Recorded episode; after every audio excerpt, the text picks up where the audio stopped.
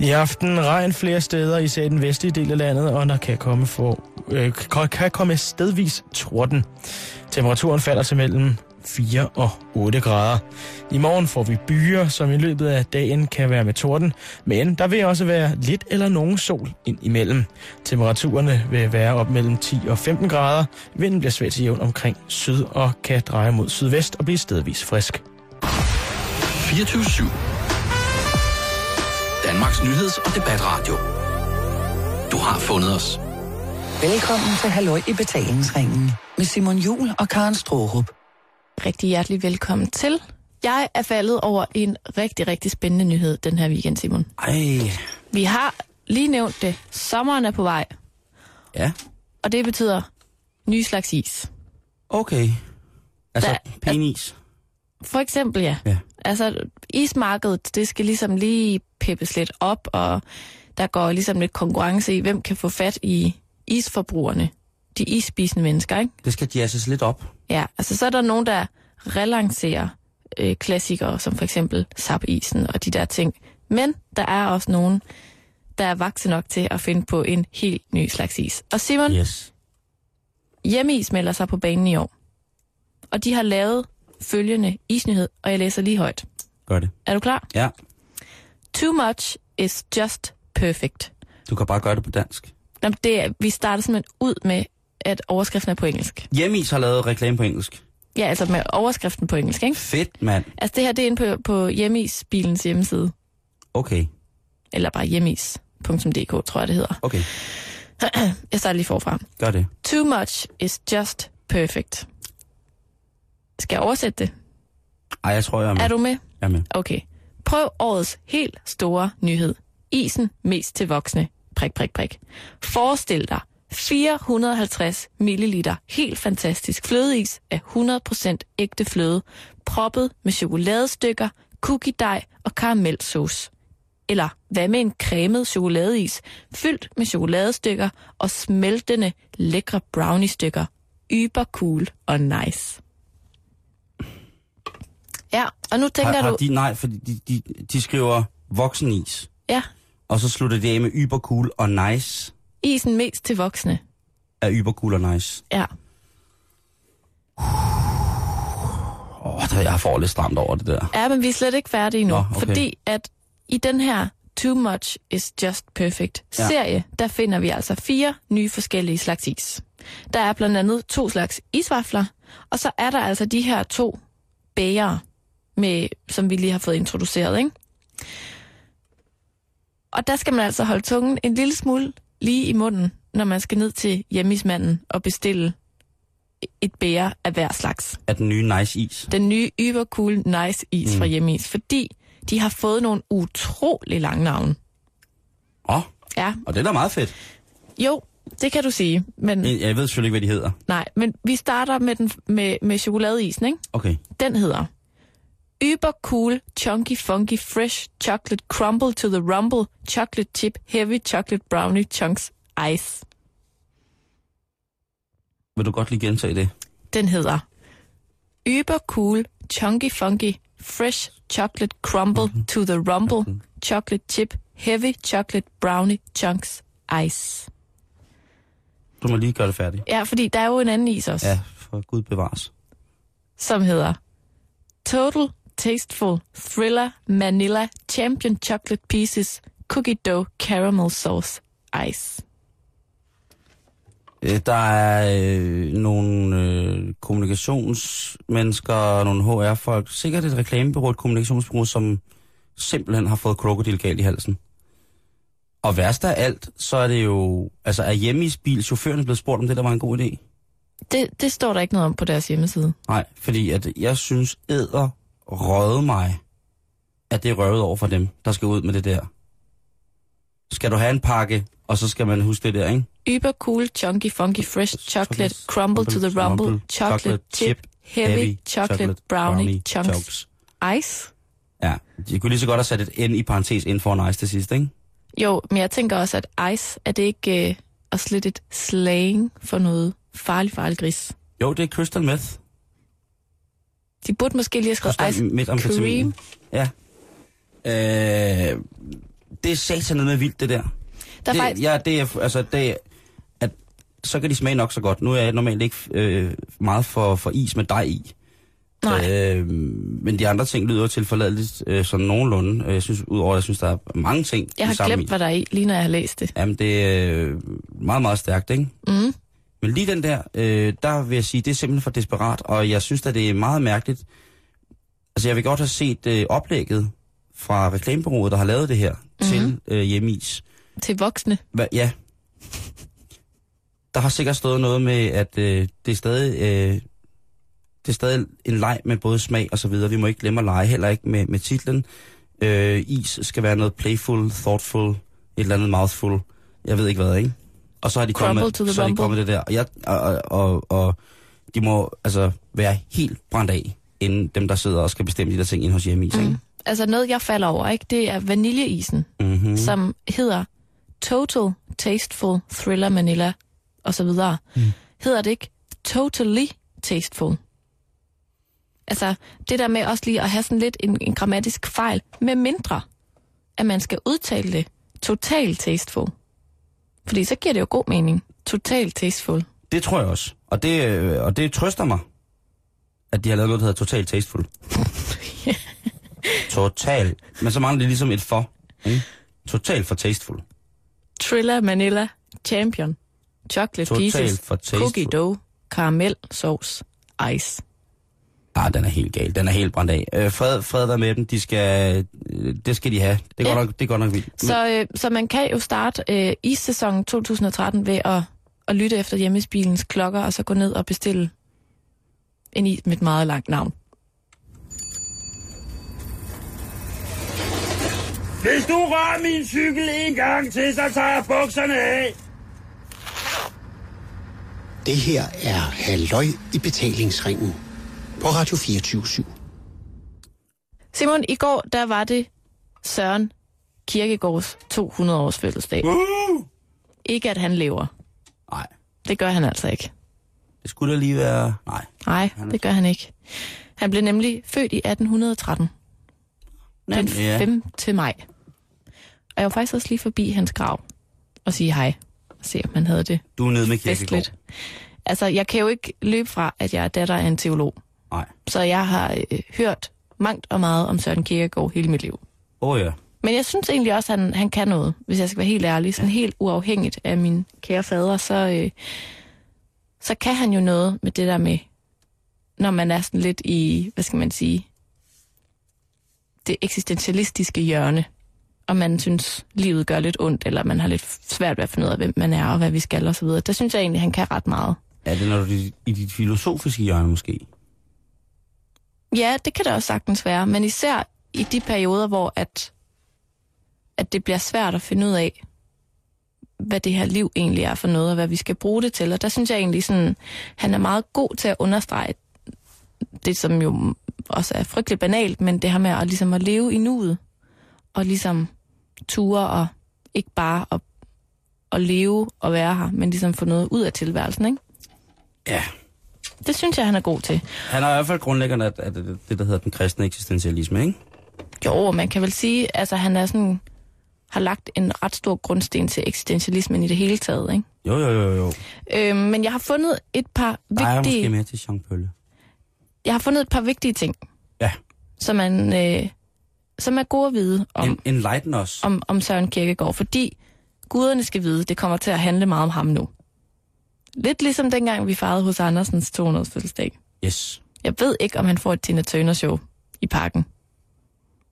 Nej, men så måske et... Øh, jeg kan lige tænke over en kunstner, der kunne være god. Jamen, det kan du lige gøre. Ja. Så øh, enlightner jeg er lige lytterne lidt en imens. Yes. Altså, som du selv nævner, så er han jo en kristen filosof, og Søren Kierkegaard voksede op i sådan et meget fromt og kristen hjem, hvor hans far, hosekrammer, øh, Michael Pedersen Kirkegaard, var meget sådan opmærksom på at sætte begreber som synd og straf og sådan noget på dagsordenen. Så man kan sige, at det her med religion og trosbegreber, det er noget, han har vokset op med, og derfor også, kan man sige, inspireret ham til at skrive alle hans værker. Øhm, så er det også godt at vide om Søren Kierkegaard, at det her med ånd og eksistens er to rigtig, rigtig vigtige begreber i hans forfatterskab. Øhm, Søren Kierkegaard, han mener, at ånd er sådan noget, der er latent i os alle sammen. Og det ligesom kan vågne, at det kan sådan blive vagt til live, hvis man kan sige det sådan, sådan så at, at mennesket bliver sig selv, og derfor begynder at eksistere, i stedet for bare at være. Øhm, ja, altså man kan sige sådan, den opvågning vil ifølge Kierkegaard sige, at mennesket ligesom begynder at forstå sit liv som en opgave, der rækker ud over det at overleve. Som jeg nævnte før, det her med at, at tage lidt ansvar for sit eget liv. Det er Øhm, sikkert. Heavy shit på en mandag. Yes, det, Jamen, det- det er ambitionsniveauet i dag, Ja. Simon Juhl. Det, jeg, jeg følger med. Det er godt. Jeg følger med og har sat tændstikker i min øjenlåg. Ind, direkte ind i øjnene. Okay. Du sidder, du sidder og prikker dig selv i, i øjet med svovl lige nu. øhm, Søren Kierkegaard, han øh, var bekendt med flere af, hvad skal man sige, datidens øh, borgerlige kulturpersonligheder. Øh, for eksempel øh, Heiberg, H.C. Andersen og Grundtvig, øh, men han var ikke just fan af nogle af de her andre sådan store danskere på det tidspunkt. For eksempel så synes han, at Heiberg, det var ligesom kongen af, hvad skal man sige, den tids borgerlige dannelse, som han havde det rigtig, rigtig stramt over. Så synes han, at H.C. Andersens øh, forfatterskab, det ligesom repræsenterede modløshed og flæberi. Han synes, H.C. Andersen var en tudprins. Ja. Og så synes han, at øh, grundvis, hvad skal man sige, hyldest til den her nationale folkelighed og den her sammenhængskraft i, i samfundet osv., det synes han ligesom bare var helt, helt, helt forkert. En helt forkert måde også at, hvad skal man sige, at udbrede det kristne budskab, som Kirkegaard mente var en mere sådan individuel ting, og ikke så meget noget, man skulle dyrke i fællesskab. Øhm, var en sur skid. Ja, og så alligevel så var Søren Kierkegaard altså også lidt sjov. Fordi han boede og var født her i København. Han var meget, meget lidt uden for København. Det er sådan noget med, at han har været i Sverige en gang, og Berlin en gang, og var en gang på en pilgrimsfærd helt til Jylland. Åh oh, gud. Ja, ja, det er sådan noget, jeg kan ikke huske præcis, hvor han har været, men han var ikke glad for at komme uden for København. Øhm, og den her by blev ligesom også sådan et slags eksperimentarium for ham Mm-hmm. et sted, hvor han udfordrede øh, ja, sig selv og sine medmennesker, øh, både sådan socialt og også sådan lidt æstetisk, hvis man kan sige det sådan. Øhm, og for eksempel, når han ligesom havde en Blue Monday, hvis han sad og havde lidt ondt i livet og var træt af sig selv og sit eget selskab og det her sådan, man kan sige, hvis han sad og havde lidt nederen på, en downer, ja. Så gik han ud i byen øh, for at tage sit daglige menneskebad. Ja. Det her med ligesom at gå ud blandt mennesker. Øh, og så snakkede han ligesom bare med, med alle mulige, han mødte. Og det var meget, meget, meget usædvanligt for den tid, fordi at der var ligesom, altså, den akademiske overklasse holdt sig rimelig meget for sig selv. Der er jo ikke nogen grund til at gå ud og blande sig med, med pøblen på den måde. Så han var faktisk lidt sådan øh, alternativ, kan man sige, Mm-hmm. på det tidspunkt, og brød rigtig mange sociale grænser. Så det var et oprør mod hans, hans måske strenge opdragelse, at han begyndte at lave alle de her ting. Altså, Nej, fordi han var samtidig også sådan, altså han var samtidig også en, der levede rigtig godt af at være en del af overklassen. Det var ikke et oprør på den måde. Jeg Nej. tror egentlig bare, det var sådan en, øh, måske noget idealistisk i ham i virkeligheden, eller en nysgerrighed i hvert fald. Han fik, han fik rigtig meget ud af at gå ud og snakke med almindelige mennesker i hvert fald. Øh, også selvom at alle mulige fandt det både upassende og sådan kikset og alt muligt andet. Øhm, der var faktisk på et tidspunkt, han, øh, han, han stoppede lidt med at gøre det, fordi der var sådan et satireblad, der lavede en karikatur af ham, som sådan en omvandrende filosof med en paraply under armen og sådan noget. Det kunne han ikke så godt lide, så holdt han lidt op med det igen ved man noget om, hvor, hvor, hvor selvironisk han var? Altså i de her ting, hvor Kierkegaard jo deler, deler, sin, øh, deler sådan, menneskerne op, eller hvad man kan sige, ikke deler menneskerne op, men sådan, øh, sådan i hans eksistensfilosofi, hvor han ligesom har nogle forskellige øh, plateauer eller niveauer eller steder i livet, hvor, man, hvor vi ligesom er. Øh, Ja, han har de her tre Ja. sådan faser, eller hvad man skal kalde det. Ja. Øh, om, og, hvor han ved jo, altså der, der betegner han jo, hvad hedder det, et, humoren som et mellemstadie for eksempel. Mm. Øh, og hvor sjov han var, han var, han var meget betragtelig, når man læser hans ting. Og det, og det er noget, som jeg i mit lille hoved tit og ofte skal bruge meget lang tid på at læse og forstå. Øh, meget konkret, der er øh, konkret svære ting, ligesom øh, det bliver meget komplekst. Og, og så er det meget det der svævende noget. Og så selvfølgelig det der med, at, at jeg jo ikke øh, på den måde er kristen, så det vil sige, der kommer nogle helt... Der, der kommer nogle, nogle ting, som bliver svære ligesom at, at acceptere i, når han siger. Fordi han siger jo rigtig, rigtig mange, han har jo rigtig, rigtig mange fine betragtninger. Jeg tror heller ikke, han var den nemmeste mand at have i kirke, hvis han endelig gik i kirke. Mm-mm. Jeg skulle snakke med en præst. Øhm, men det der meget humanistiske synspunkt, han jo har. Netop mm. det der med at, øh, at gå og få sit menneskebad. Altså, jeg kendte ham jo ikke personligt. Ej, men, you Men, øh, Du, havde, prøv, Karen, du havde hængt med Kirkegaard, hvis han havde levet i dag i 2013. Det tror jeg. Jeg ved ikke, om, om han var... Altså, jo, jeg gad godt at have gået en lille tur med ham rundt i København. Det tror jeg har været ret Ja, jeg sjovt. tror, jeg var, øh, Altså, efter sine så skulle han have været faktisk meget munter. Ja. Øh, efter sine var hans øh, kære mor meget munter, men også hans kære far øh, meget sådan dybsindig og meget sådan, ja, det man vil kalde sådan eksistentialistisk. Så han rummede begge sider, øh, og det synes jeg egentlig også kommer så meget godt til udtryk. Han har jo sådan nogle mange og sådan kendte, der er jo kendte citater fra mange altså, af var han hans værker og så videre. samtidig superstjerne? Altså, dengang... Hvor Jamen, han var sådan en del af dem. Altså, når, når der er nogen, der laver en karikaturtegning af dig i, i et satirisk blad, så er du vel en del af kendisscenen på daværende tidspunkt. Han har været med i Øjne i natten. Hvis Øjne ja, i det natten fra, fra Ugen Se- brændert. Det havde været Søren Kierkegaard. Ja, Ah, Brandert, var? Var han, øh, var han drikfældig? det ved jeg faktisk ikke. Men jeg tror, altså, altså han havde ligesom sådan en... Han var lidt en flanør, hvis man kan sige det på den måde, der ligesom havde råd til at gå på bar, og råd til at gå i teateret og køre mm. i, i hestevogn, eller hvad man nu gjorde på det Jamen, tidspunkt. han, var, han var en del af jetsættet.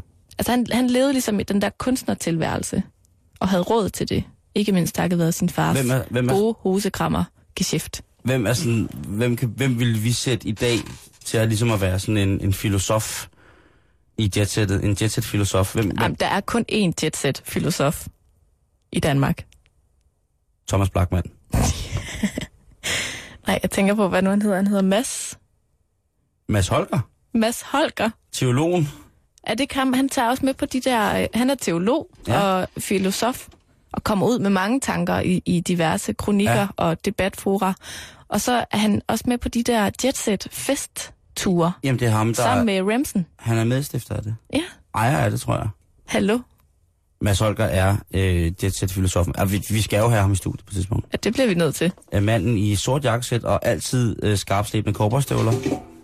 Hov. Øh, det, er, øh, det er rigtigt. Det er selvfølgelig rigtigt. Det er selvfølgelig Ja. rigtigt.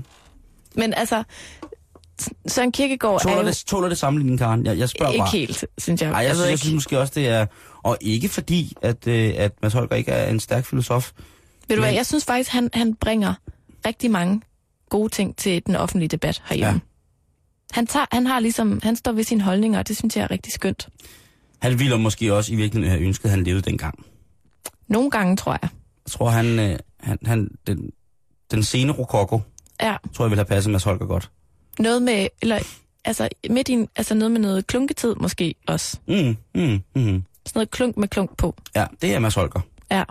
Lige der. Men Simon, jeg tror først, at vi kan sige om 200 år, om der er nogen, der ligesom drager en lige linje imellem Søren Kierkegaard og Mads Holger. Vi kan simpelthen ikke øh, i denne samtid afgøre det, tror jeg. Tror du ret. Men man kan læse meget mere om Søren Kierkegaard, og ikke mindst om alle de mange topfede arrangementer, der er. Der er masser at gå i selvsving over. Må jeg, ja, og der, der må jeg så spørge, der er jo, står jeg jo måske sådan lidt udforstående overfor, nu siger du fede arrangementer med Søren Kierkegaard. Ja. Og der øh, enten visner jeg inde i, eller så øh, er det som om, jeg, at min mund bliver helt tør. Kan du anbefale noget? Skal, hvilke arrangementer skal du til? Øh, med, skal du til noget filosofisk slam, jam, noget... Ja, jeg ved, jeg kan Filosofisk funk-aften på studenterhuset og sådan noget. akustisk, øh, filosofisk øh, kirkegård-funk med to spanske guitarer altså, og en caron. Nu lagde du jo ud med at, at stikke dig selv i øjnene med tændstikker. Ja. Altså, der er jo ikke nogen tvivl om, at der er nok sådan lidt en skala for, hvor højpandet et arrangement man kan tage til. Ikke? Det, det, synes jeg ikke, der skal, det synes jeg ikke, der skal være. Hvor vi, vi har noget, noget, noget kirkegårds funk mm. i den ene ende måske, Mm. eller måske sådan noget børnekirkegårds sang, et eller andet. Og, og så har vi noget eller andet foredrag en eller anden kirkegårdforening et andet sted. Altså, der er ligesom noget for enhver smag. Ja. Noget, jeg øh, rigtig, rigtig gerne vil, det er, jeg vil rigtig gerne på sådan en Søren Kirkegård byvandring her i København. Yes. Og ligesom opleve Kirkegårds København. Øh, og ellers så er der jo... Altså, om det, det, det, det har vi slet ikke tid til at gå igennem. Men der er Nej, men jeg synes- masser af ting, man kan melde sig til. Alt fra altså foredrag til debataftener og øh, kunstudstillinger, gudstjenester. Øh, Er det i hele landet? Jeg bliver bare nødt til at spørge, for du snakker, vi snakker meget København. ja, men det er meget centreret i København, men jeg er sikker på, at man også godt kan finde arrangementer andre steder. Hvis han, er, hvis, hvis han er så skidestor, det der kirkegård, eller ham der. Det er han, altså, det er, han er jo... Altså, ligesom Hans Christian Andersen, så kender folk også godt Søren Kierkegaard ude ja. i den store verden. Han er oversat til mange sprog. Han er med sine publiceringer og udgivelser en af de aller, aller, aller mest trygte filosofer. Ja. Hvis man har noget igen, Karen, hvis man, hvis man kender til et godt arrangement, og det kan være så hvor hen i landet man nu befinder sig. Mm-hmm. Det er ligegyldigt, hvor du er i landet, øh, og gerne vil dele det, så er du meget velkommen til at dele det på vores Facebook-side, facebook.com betalingsringen, hvis du har et det fede Søren Kierkegaard arrangement. Og, og som sagt, alle arrangementer skal velkommen, men det, du skal ligesom også huske at skrive, det her arrangement bliver fedt, fordi at der går vi virkelig, øh, der laver vi noget Jean-Paul, et eller andet Sartre øh, versus Kierkegaard, øh, jam session, poetry, fi, eller philosophy slam, altså filosofi slam Ja. for fuldgardiner. Jeg synes gerne, man må, øh, må, må, må, må blæse den op, se hvad, se hvad den kan bære for fuld skrue, og misbrug med, med rette gerne vores hjemmeside til at poste øh, kirkegårdarrangementer, som du synes er vedkommende for alle mennesker, som er nede med, eller gerne vil tættere på det store danske filosof Søren Kierkegaard. 200 år i dag, I går. i går. Flot fyr stadigvæk. Mega flot fyr. Ja. Ja, Det er jeg glad for. så kan man lige læse et lille Søren Kierkegaard. Fik du sådan en, Værk. en, en filosofisk epiphany øh, i går, da du var på... Og jeg øh, blev ramt af et eller andet. jeg blev ramt af en stor tanke. Øh, Åh! Oh. nej, det gjorde jeg ikke.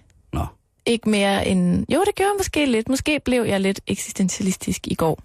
Men det var også søndag, og en ny uge står for døren, og alt det der.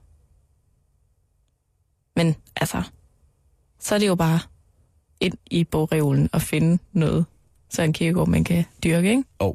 Jeg, jeg tror lige, jeg skal, Op på hesten igen. jeg skal i hvert fald kigge et stykke tid, før jeg finder uh, Kierkegaard ind i min bogreol. Mm. Der er masser af Sartre, ikke så meget Kierkegaard.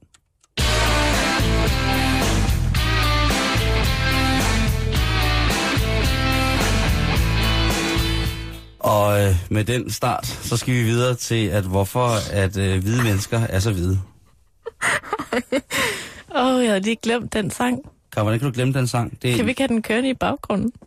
Ej, så kan jeg koncentrere Ja, det mig. kan jeg heller ikke. Det, det bliver simpelthen for voldsomt. Også når vi lige snakker kirkegård og eksistentialisme, Ja. det er jo det stik modsatte, det her. Det er jo, øh, altså, det er jo Det er hård rock. med kommunisme i, ikke? Rock og rull. Rock, hård kommunistisk dansk bunderok. Øh, nej, øh, øh, videnskab.dk, en af mine yndlingshjemmesider, gør i dag min mandag absolut til en favoritmandag på mm. så mange punkter, Karen. Og det kan jeg sige dig, det er fordi, at øh, de har lavet en artikel, som hedder Farvede mennesker bliver pænere med alderen end hvide. Det er jo spørgsmålet, jeg har stillet mig selv utrolig mange gange i mit korte liv. Og det er altså, hvordan kan, øh, hvordan kan Samuel Jackson, og hvordan kan øh, den, den Sarah Washington, hvordan kan man ikke se, at LL Cool J, han er blevet et år ældre, øh, og sådan nogle ting, siger. Hvordan kan det lade sig gøre? Er der noget specielt, øh, som, som øh, folk fra øh, med afrikansk afstamning kan bedre end, end ja, hvide blege mennesker, Karen? Også hvide, Ja. Og mennesker. Og, og der er det altså, at øh, videnskab.dk har hævet fat i overlæge på dermatologisk af- afdeling på Bispebjerg Hospital, professor Jørgen Serup. Og Jørgen, han fortæller, at ja, det er faktisk rigtigt, at I hvide mennesker, I bliver grimmere end afrikanske mennesker med alderen. Og der er der nogle forskellige grunde til, Karen. Og vil du gerne have at vide, hvad det er? Simon, jeg vil rigtig gerne have at vide, Ja. hvad det er. Der er selvfølgelig kroppens helt almindelige kronologiske alder. Hvor at, øh, der gør, at, at ens kropsfunktioner ligesom kommer til at lige så stille og, og holde op med at virke eller få nedsat effekt. Og det er blandt andet øh, sådan noget som gendannelse af hud. Ja. At det, det holder jo, altså det, det kommer til at tage, tage, tage, tage, tage meget, hvad hedder det, det kommer til at være, blive sværere for kroppen ligesom at, at, at gendanne det. Og det gør jo altså, at øh, huden til sidst bliver tyndere og tyndere og tyndere, fordi at de døde hudceller, de falder jo af, kan man sige. Og på hvide mennesker, jamen der bliver det så sådan, at huden kan blive så tynd, at den nærmest kan blive gennemsigtig, så man kan se, så man kan se alt. Der bliver ikke overladt noget til fantasien. Og der er det sådan, at på mørk hud, jamen der lægger man ikke så meget mærke til det, fordi at øh, huden jo øh, er mørk, og ja, det ser bare lidt pænere ud i længden. Ja. Øh, jeg kan ikke øh, andet end anbefale at få en masse tatoveringer. Øh, faktisk så siger Jørgen Serup, og nu vil jeg lige citere ham, huden bliver faktisk papirtynd, glat og går nemt i stykker. Derfor kommer ældre hvide mennesker til at se meget skrøbelige og sarte ud, men afrikanernes mørke hud kommer ikke i samme omfang til at se hverken bleg eller gennemsigtig ud, da den jo i forvejen er mørk. Så er der selvfølgelig solen, Karen. Grunden til, at du skal gå med, med meget solcreme for at komme til at ligne en gammel cykelsadel, det er, at øh, solens UV-stråler trænger ind igennem huden og ødelægger cellerne, som er inde i huden. Mm. Øhm, og i takt med, at kroppens funktioner lige så stille bliver langsommere og langsommere, så bliver den ariske hud, altså også ifølge, hvad, hvad Søren Serup fortalte lige før, jo altså øh, mere og mere mere slidt. Og hvis huden ikke ligesom kan gendanne sig selv, eller hudcellerne ikke kan gendanne sig selv, jamen så er man altså også virkelig på den. Og UV-strålerne gør, at vi slår hudcellerne ihjel mere end højst nødvendigt. Så man skal huske at tage solcreme på, hvis man gerne vil blive et smukt, hvidt menneske. Og hvem vil ikke det? Mm, man skal beskytte sig mod den onde, onde, onde, onde sol. Øhm, derudover så er, hvad hedder det, den afrikanske dejlige menneskes hud også udstyret med en del mere melanin, det stof, som gør, at vi normalt kan skærme vores almindelige hudceller fra, fra den farlige UV-stråling, som gør, at de bliver øh, kompliceret for dem og gendanne sig selv i, kraft, i, i, i takt med, at kroppen lige så stille degenererer og bliver lasket og, og lidt porøs, tror jeg også godt, man kan kalde Og det er noget med bindevævet, Det kan det også der godt være. svigter lidt. Ja, det, der er mange ting, Karen, der, er- der, er- der er galt med. Så, øh, Jeg er og så, begyndt at kunne mærke det, jeg siger det bare. Ja, og så siger jeg så også bare lige til dig på den her måde, at en af de ting, som mørke mennesker også besidder lidt bedre, det er kraften til at bevare håret på hovedet. Og på kroppen. Ja. Er det med til, at de yndes, nej, ældes med ynde mere end, end hvide mennesker? Det er i hvert fald øh, færre øh, afrikanere, som får måne og, øh, og hentehår, end, øh, end den hvide, den ariske mand. det er da egentlig rigtigt, når du siger det. Ja. Det har jeg ikke tænkt over før. Tænk på det. Tænk på, hvor mange næger du kender med måne. Med hentehår. En hentefro.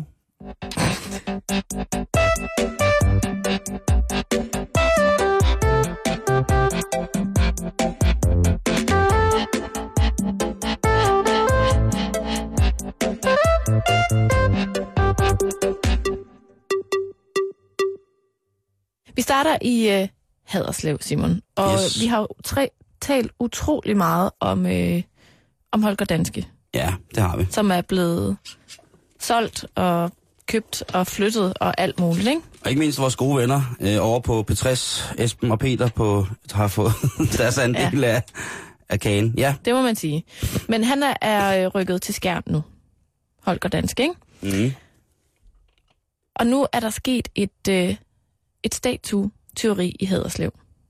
Der er en lille dreng, der står og tisser, som er sådan et springvand, altså sådan en Mannequin Piss. lige præcis 50 cm høj, 15 kilo tunge øh, stenfigur. Den er blevet stjålet i Haderslev. Nej, Jo, nej. og ikke nok med det, Simon. Der er også blevet stjålet en 50 cm høj og 50 kilo tung stenløve. Ja, okay. Altså, jeg vil jo sige, det, det må være bestillingsjob, ikke? Fordi Mannequin Piss, altså den lille dreng, der står med, med og tisser. Ja, den jo en- stod faktisk i Vojens. Ja, det er måske en af de mest kopierede statuer, som man kan få en kopi af i stort set alle havecentre. Silvans 4K og sådan noget. Ja. Men stenløven derimod, Ej, den, er- den er også meget populær i havecentrene, er den ikke det? Sådan en, der hviler, der ligger ned. Eller som sidder sådan lidt majestætisk. En myth? For eksempel. Jo, Jeg det kan tænk- godt være. Ja, så er man fandme nære, i, ikke? Jeg tænker bare, hvad det er.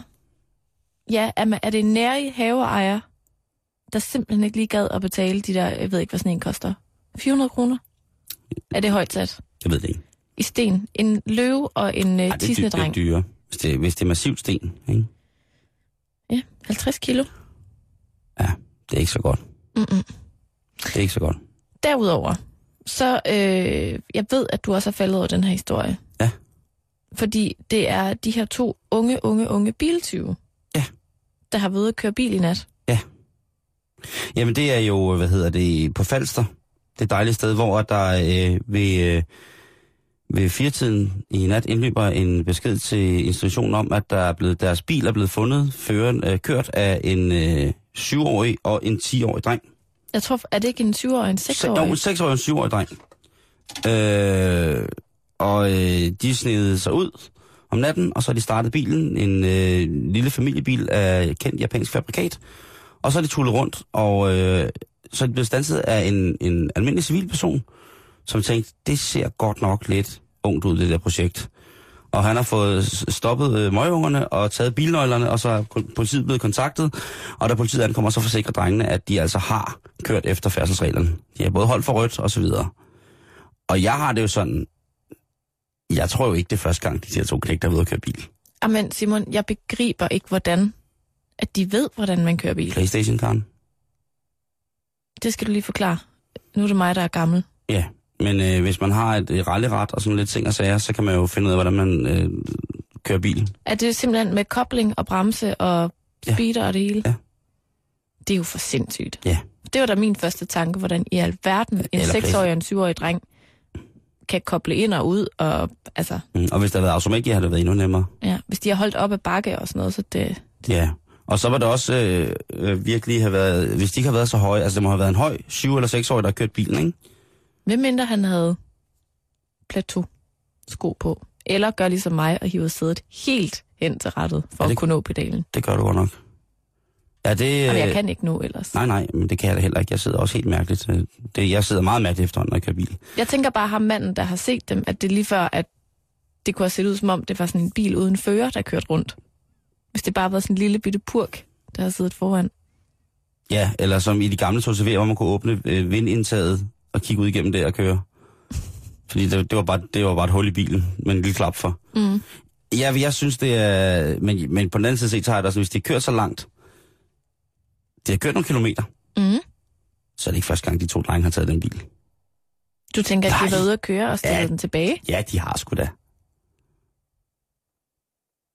Altså, jeg forstår bare stadig ikke, hvordan det kan lade sig gøre. Jeg er dybt, dybt, dybt fascineret. Det er også. Jeg er imponeret, og jeg er stolt. Altså, jeg tog kørekort, altså, jeg tog kørekort som 20-årig. Ja. Og det gik ok, men, Ja. men det tog da lang tid at lære, før jeg fattede det der åndssvage koblingspunkt at kende. Jamen, gjorde det Det er, altså. også, det er også svært. Det er svært med det der.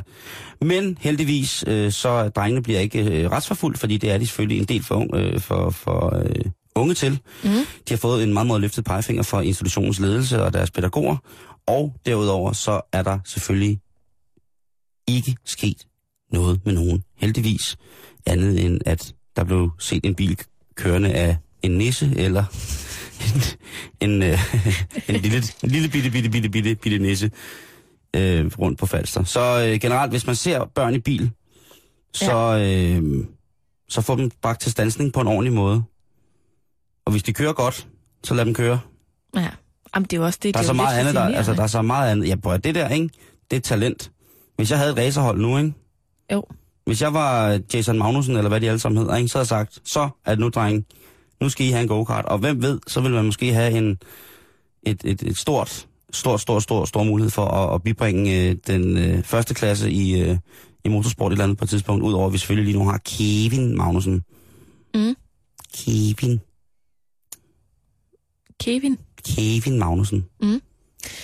Simon, øh, vi skal tilbage herover til Sjælland igen nu. Ja, i lokalstof øh, afdelingen i dagens program.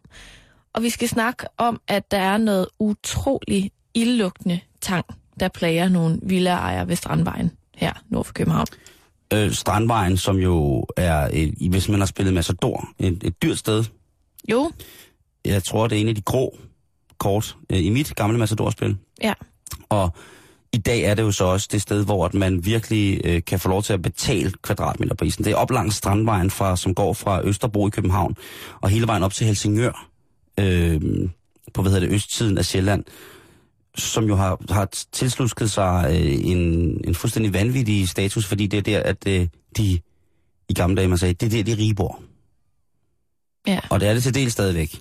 Det er Michael Laudrup og Brian Laudrup, nej, ikke Michael Laudrup, det er alle, alle helt jetsættet og deres håndværkere, der bor deroppe. Altså, det er jo dem, der har råd til det, kan man sige. Jo, jo, jo, Mærsk McKinney og der, de, man skal derop af for, for, for at finde det. Og så specielt Strandvejen med udsigt over, når er en meget, meget, meget, meget, meget befærdet vej, hvis man bor på, på den ene side af Strandvejen, og så på den anden side, hvis man bor på den anden side ud mod vandet, så kan man være heldig at have en stor grund, hvor der er, man har egen øh, Ja. adgang til stranden Mere og badebro. Og, og, og, så, og det er, øh, det er afsindigt dyrt.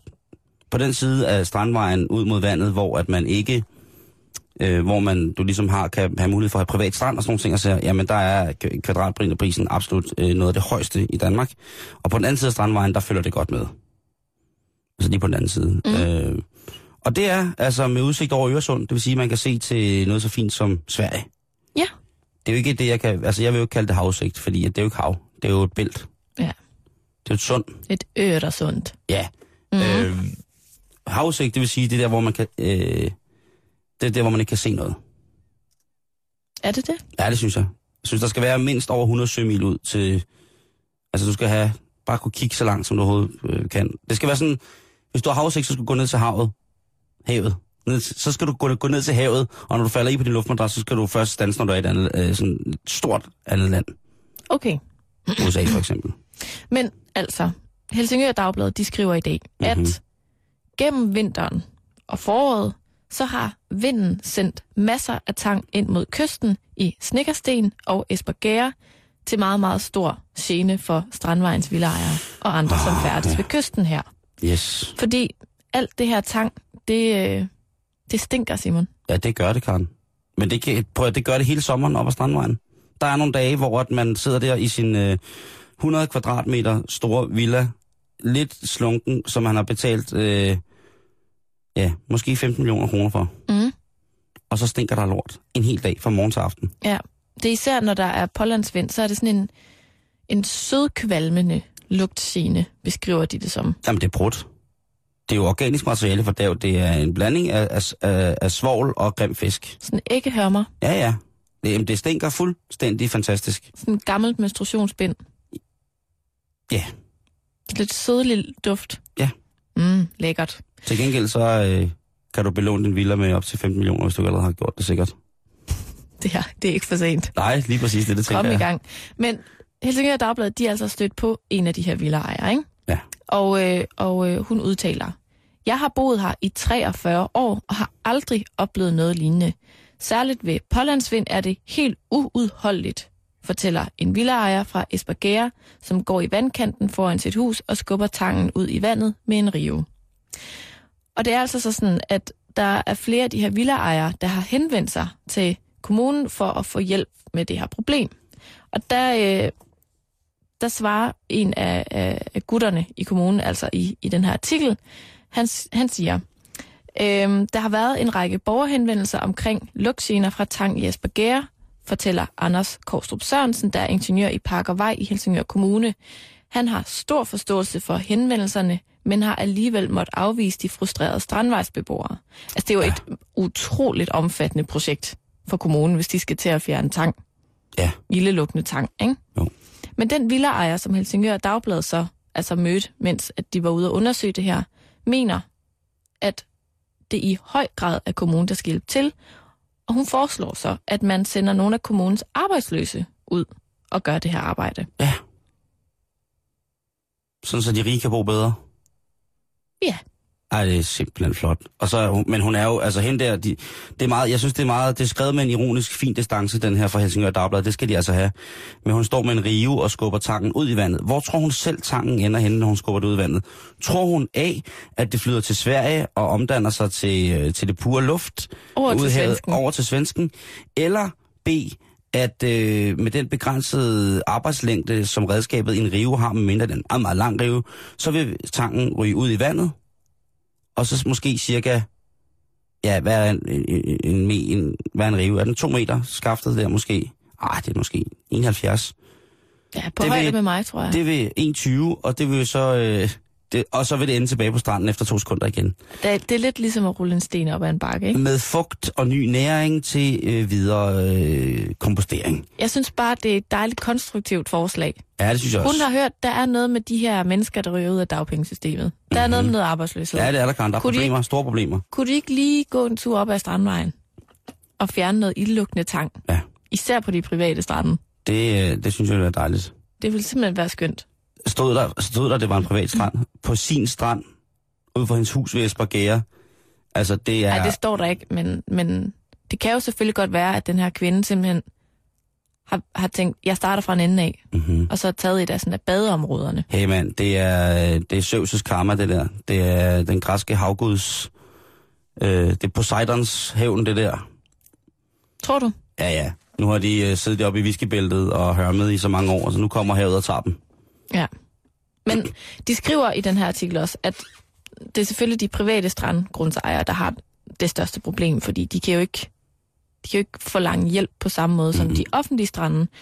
Så hvis man nu plejer at bade på de offentlige strande Mm-hmm. på den her strækning, Ja. og tænker, puha, det lyder træls, så Ja. kan jeg informere om, at man har valgt fem forskellige steder, hvor at man fjerner det her tang ja. i badesæsonen. Yes. Så man kan gå derhen og bade, hvis det er. Hvad kan man bruge øh, sådan noget tang til? Der bliver fjernet uendelig, uendelig mængder tang alle mulige steder fra. Hvad, hvad kan man bruge det? Kan man bruge det til noget konstruktivt? Jeg har jo kun hørt om tangtage. Kan man bruge alt tang til tangtage? Kunst. Øh, kunst. Hvad, hvad kan man lave? Kan man lave noget godt i tang? Øh, dit bud, facebook.com betalingsringen. Hvad kan vi bruge alt det tang til? Mm. Kan man nede det? Jeg ved ikke, om man har lyst til det, hvis det lugter af en blanding af en æggehørme og et gammelt menstruationsbind. Nej, hvad, dyrefoder. Der er nogle dyr, der synes noget er herligt. Ja. Hvad kan man bruge det til? Øh, vi vil gerne vide det. Og til jer med private strande, øh, Hvor er det ærgerligt, at det ikke er sæson for Operation Dagsværk. Det havde været en skide god opgave. Hvad er det, man skal give? 400 kroner for en arbejdsdag til en gymnasieelev. Ja. Der kunne de godt lige have sendt 200 gymnasieelever ud for at fjerne tang. Og så var pengene gået til et godt formål. ja, så havde øh, alle Nordsjællands gymnasierne fået noget at foretage sig på en ordentlig måde. Det kunne ligesom være hjemme hele dagen. Ja. Mange af dem, ikke? Jo. Ej, det synes jeg var en god idé. Det synes jeg nu var en god idé. Jeg synes ikke, at, øh, man, at jeg synes i hvert fald ikke, man kan blive sur over, at naturen ligesom går sin gang. Man kan i hvert fald ikke så godt bestemme over den altid. Nej. Jeg kan godt sige dig, hvis jeg på en eller anden måde får fat i dig, så er det slut. Så er det simpelthen slut. Det her er Halløj i betalingsringen på Radio 24 Karen, nu skal vi til noget lidt mere øh, alvorligt, vil jeg sådan set godt have lov til at, øh, at understrege. Det er øh, i den grad alvorligt på den måde, at man nu kan printe sin egen pistol. Simon, jeg kan slet ikke overskue det. Nej. Øh, men jeg vil bare lige... For, altså, vi har snakket om det, øh, og jeg vil bare lige... I dag, der blev øh, tegningerne blueprintet, altså udgivet, lagt frit op på nettet i det, der hedder open source. Kan man sådan lidt populært sagt sige, opskriften blev lagt ud på nettet? Det kan du fuldstændig sige. Altså som strikker, så yes. forstår jeg, hvad du Som mener. en strikopskrift, så blev, så blev, hvad hedder det, øh, opskriften på en pistol, der kan affyres nu, lagt ud på nettet. Og det er som en ingen ringer end den 25-årige Cody Williams, som er fra Austin i Texas. Og Austin, Texas, jamen det er jo øh, en by, som på mange måder er lidt speciel, fordi at det er en øh, meget demokratisk by midt i sydstaterne. Og det er den øh, sådan innovativ. Den har en fantastisk musikfestival, som hedder South by Southwest, som ligesom er repræsentativ og givende for, for alle verdens nye opkommende kunstnere på mange måder. Så kan landet komme og repræsentere. Øh, den har øh, en af Amerikas største universiteter, UT University of Texas, som øh, øh, holder, jeg tror det er 85.000 øh, sub, altså elever, der går der, og så plus øh, 20-25.000 ekstra, som er tilknyttet universitetet. Mm. Øhm, og det er en fantastisk by, og den emmer af kreativitet. Og det her et eller andet sted emmer jo også af kreativitet. Men det emmer også af en kreativitet, som er præget af, at man lever i en by og et, et opland, hvor alle stort set har altså, våbentilladelse, og rigtig mange mennesker går med et, et våben, altså et, et, et sidearm hedder det på USA, altså går med en pistol frit fremme. Det kan man jo gøre, hvis man går med den i dens skede. I bæltet. Ja, ved siden af mobilen. Øhm, Cody han har lavet et øh, samlesæt på 16 dele, som hedder The Liberator, eller Frigøren. Og den er blevet præsenteret på deres hjemmeside i en, det, som jeg vil kalde meget forfærdelig reklamevideo. Øh, den er dårligt lavet, det er en dårlig historie, der er nogle, det er nogle dårlige signalværdier, som jeg får ud af det i hvert fald. Øhm, han læser selv jura på UT, øh, Mhm. universitetet, på andet år. Og øh, som 80-årig, så fik han det, som hedder en type 7 federal våbenlicens. Og det vil sige, at han nu øh, som 80-årig har lov til at både sælge, men ikke mindst at fabrikere sin egen våben. Og sælge dem. Ja, Hans firma, det hedder Defense Disturbed. Øhm, og det er en, en hjemmeside, som øh, jeg vil anbefale, man kan gå ind på, hvis man har lyst. Øh, hvor der selvfølgelig først og fremmest i dag er fuldstændig vanvittigt svært at komme ind på, fordi alle vil gerne downloade den her opskrift på en pistol. Øh, og de har skrevet et langt manifest, som er sådan meget, meget ridderligt og mærkeligt, men så har de også skrevet en, en plan omkring det her med den her pistol, og det kommer vi tilbage til senere. Men hvad vil det egentlig sige at printe en pistol? Jo, Karen, der findes jo det, der hedder 3D-printer. Og det er noget sci-fi shit for nogen, men For for, for digital øh, generationen er det noget, som man bare venter på kommer til at blive almindeligt tilgængeligt. Og det er faktisk almindeligt tilgængeligt allerede i dag. Man øh, har simpelthen noget, der ligesom minder om en printer, men i stedet for at printe kun bogstaver ned, så kan den altså printe i lag i både op ad det, der hedder X- og Y-aksen og V-aksen. Den kan jo printe i 3D, kan man sige. Mhm. Øhm, så man skal forestille sig ligesom sådan en lavkage, der bliver lagt i forskellige former, ikke? Og det er sådan en tynd strålplast. Den her pistol, den er hovedsageligt bygget af det materiale, som hedder ABS-plast. Og det øh, kan jo lyde som enten et øh, so- sofistikeret ældre bremsesystem, eller det kunne lyde som hovedingrediensen i det, som vi alle sammen kender som Lego-klodser. Så den, den pistol, han har printet, den er i princippet lavet af det samme materiale som en Lego-klods? Ja. Altså, jeg så lige et billede af den, og den ligner også lidt sådan en Lego-pistol. Ja, du synes, den var fin. Ja, det kommer jeg til at sige. Øh, og det, øh, det kan du måske have ret i. Øh, lige pt. så affyrer den et projektil, som er kaliber 22, og det er tilsvarende det, som vi har i det, der hedder salonrifler her hjemme i Danmark. Må jeg spørge om noget? Ja. Er det så også lavet af plastik? Nej. Projektilet er øh, et almindeligt projektil. Og det er med, hvad hedder det, en, en aluminiums- eller blykugle, og så er det en, øh, et messinghylster, som man så også kan affyre et skud ad gangen. Men det køber han så ved siden af, eller hvad? Ja, det kan man ved siden af, men Okay. man, man, kunne også, man kan også sagtens selv lave det. Han virker som en ret driftig herre, ham der Cody. Ja. Øhm, hans firma, det virker lidt i øst og vest, når man er på hans hjemmeside. Fordi på den ene side, så står de, at de godt vil rø- rokke ved det, som hedder, øh, hvad hedder det, øh, den anden forfatningsændring, som er den forfatning, der i forhold til USA's grundlov, hvis man kan kalde den det, giver amerikanerne ret til at forsvare deres egen ejendom og dem selv med et skarpladt skydevåben. Mm-hmm. Og det er jo derfor, at der også er så stor krise, når at, hvad hedder det, at øh, Obama for eksempel vil ind og rykke på våbenlovgivningen.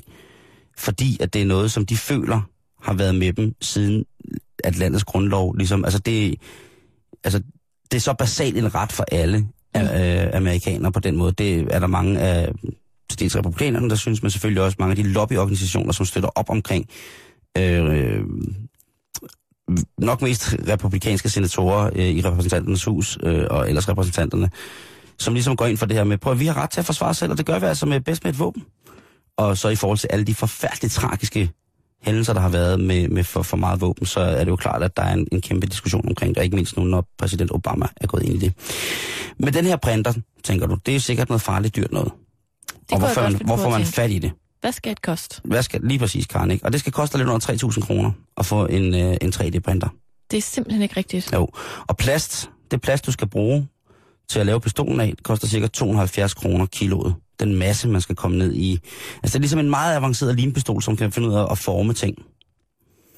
Øhm, Ej, mit hoved er virkelig på arbejde. Jeg synes, det er helt sindssygt, at man kan det der. Ja. Det er helt vildt. Ja, det er, det er ret gakkelak.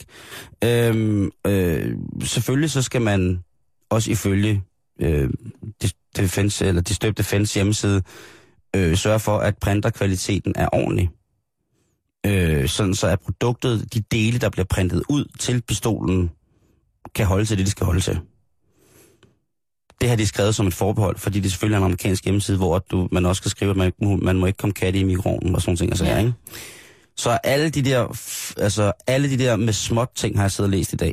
Og det er altså sådan nogle ting, der man, altså helt basale ting. Man må ikke udsætte for mere varme eller bla bla. Og så selvfølgelig, at når man har printet det her, hvis man vælger at, øh, at eksekvere og lave projektet, så frelægger de sig et hvert ansvar for det her. For det er jo gratis, det er open source. Ja. Hele projektet med det her er, og det er det, som jeg synes, der er lidt interessant, fordi umiddelbart så kan man godt sidde ligesom dig og få en voldsom gøjser på over det her. At, kan det passe, at hvis man nu Ja. arbejder på et firma, som har en plastikprinter, så kan man printe de her små 16 dele ud, og så sætte sig hjem i sin kælder og lave et våben. Og så skal eneste, du skal skaffe, det er et kaliber 22 projektil. Printerparanoia. Lige præcis. Øh, ja, det, den paranoia kan du faktisk godt sidde her. Og, Det har jeg lige nu. og hvad hedder det? De drenge, der har det her firma, øh, inklusive ham den 25 år, Cody Williams, han skriver på deres hjemmeside. De har det, der hedder, ud over deres manifest, eller manifesto, så har de også det, der hedder The Plan. Altså Uh. plan. Yes. Og der skriver de omkring, øh, altså det, i, i planens sidste punkt, der har de det, der hedder The Impact. The Impact. Eller nedslaget, om man vil. Når tingen rammer jer, hvad sker der så? Ja. Og der skriver de, det her projekt vil måske, eller vil forhåbentlig, ændre måden, som vi tænker, øh, eller som vi hold, forholder os til, øh, hvad hedder det, våbenkontrol omkring.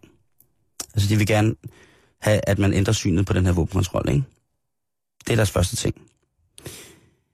Hvad vil regeringer, øh, eller hvordan vil regeringer reagere, hvis man en dag, hvis der en dag kommer et våben, du frit kan hente på internettet og printe? Lad os finde ud af det. Ej, det er helt vildt. Det, det, det er lidt nøje. Øhm, og øh, der er også en, der er en sætning, der hedder her, øhm, If every citizen has near instant access, access to a firearm. Altså, hvad, hvad sker der, hvis alle, der er i nærheden af internettet, er i nærheden af et våben? Fordi 3D-printeren, det er jo selvfølgelig en ting, som der har været sådan lidt videnskabeligt brugt i lang tid. Man har blandt andet brugt den til mange gode formål, som for eksempel til at konstruere øh, ting til at sætte ind i kroppen. Altså skruer og møtrikker og øh, andre forskellige øh, leddele og sådan nogle ting og sager. Øh, og nu så altså også til våben, ikke? Altså, jeg tænker på de to drenge på Falster, der lige rapsede nøglerne til en bil i nat og kørt rundt. Hvad nu, hvis de får fat i sådan en 3D-printer og tænker, skal vi ikke lave en pistol? Mm. Altså, Så kan de frit gøre det, Karen, fordi det eneste, man skal bruge, det er selvfølgelig, det eneste, det er en 3D-printer. Og så skal du bruge et program, som hedder RipRap, som er et program, som ligesom kan generere de her 3D-tegninger og få dem formuleret rigtigt hen til, hvad hedder det, printer. Så tænker du, det koster sikkert en bundegård. hvad skal det koste? Det er gratis. Men jeg synes jo så, så udfordrer det jo ikke bare altså regeringerne i forhold til sådan sikkerhedspolitik. Det er jo også, det udfordrer jo hele vores opfattelse af for eksempel handel. Altså det der med, når, når, når du er, når du, når, når alt i princippet er frit tilgængeligt, fordi du kan bare printe det. Ja. Altså så kan du printe, øh, det ved jeg ikke, hvis du har lyst til en banan, så behøver du ikke gå ned og købe en, så kan du printe en banan, ikke? Men Karen, det er også det, som man... Det, det, og det du, øh, Safran, som er pissedyrt, ikke? Ja. Så printer du bare noget safran. du er tættere på virkeligheden, end du tror.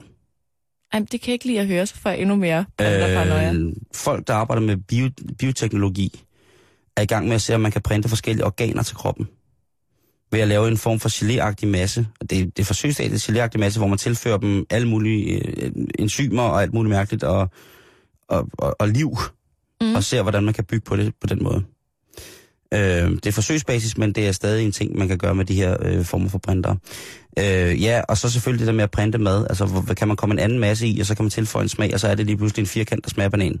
Jeg ved det ikke, men det er sikkert tættere på, end, øh, end vi egentlig regner med. Men lige nu, der er det selvfølgelig pistolen, der er ikke problemet, men spørgsmålet. Øh, og der er mange forholdsregler, man skal tage i forhold til, hvordan man arbejder med temperatur og plads til de forskellige dele og sætter sammen og sådan noget. Men hvor man tænker er, at lige nu, Karen, der besidder jeg helt gratis en, en et blueprint, altså en, en opskrift til en pistol. Og jeg ved faktisk ikke, om det er lovligt i Danmark, men man kan hente den, og jeg henter Altså, den. det kan jo ikke være ulovligt at have opskriften, kan det det? Ej. Det er selvfølgelig ulovligt, at du har pistolen, når først du har printet den. Det er jo et våben, hvor ja. du vil ikke have, medmindre du har en tilladelse. Ja. Ja, det må det være.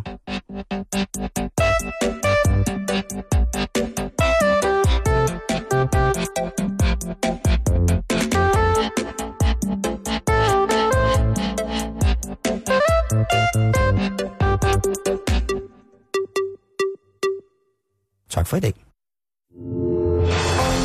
Du lytter til Radio 24 /7. Om lidt er der nyheder.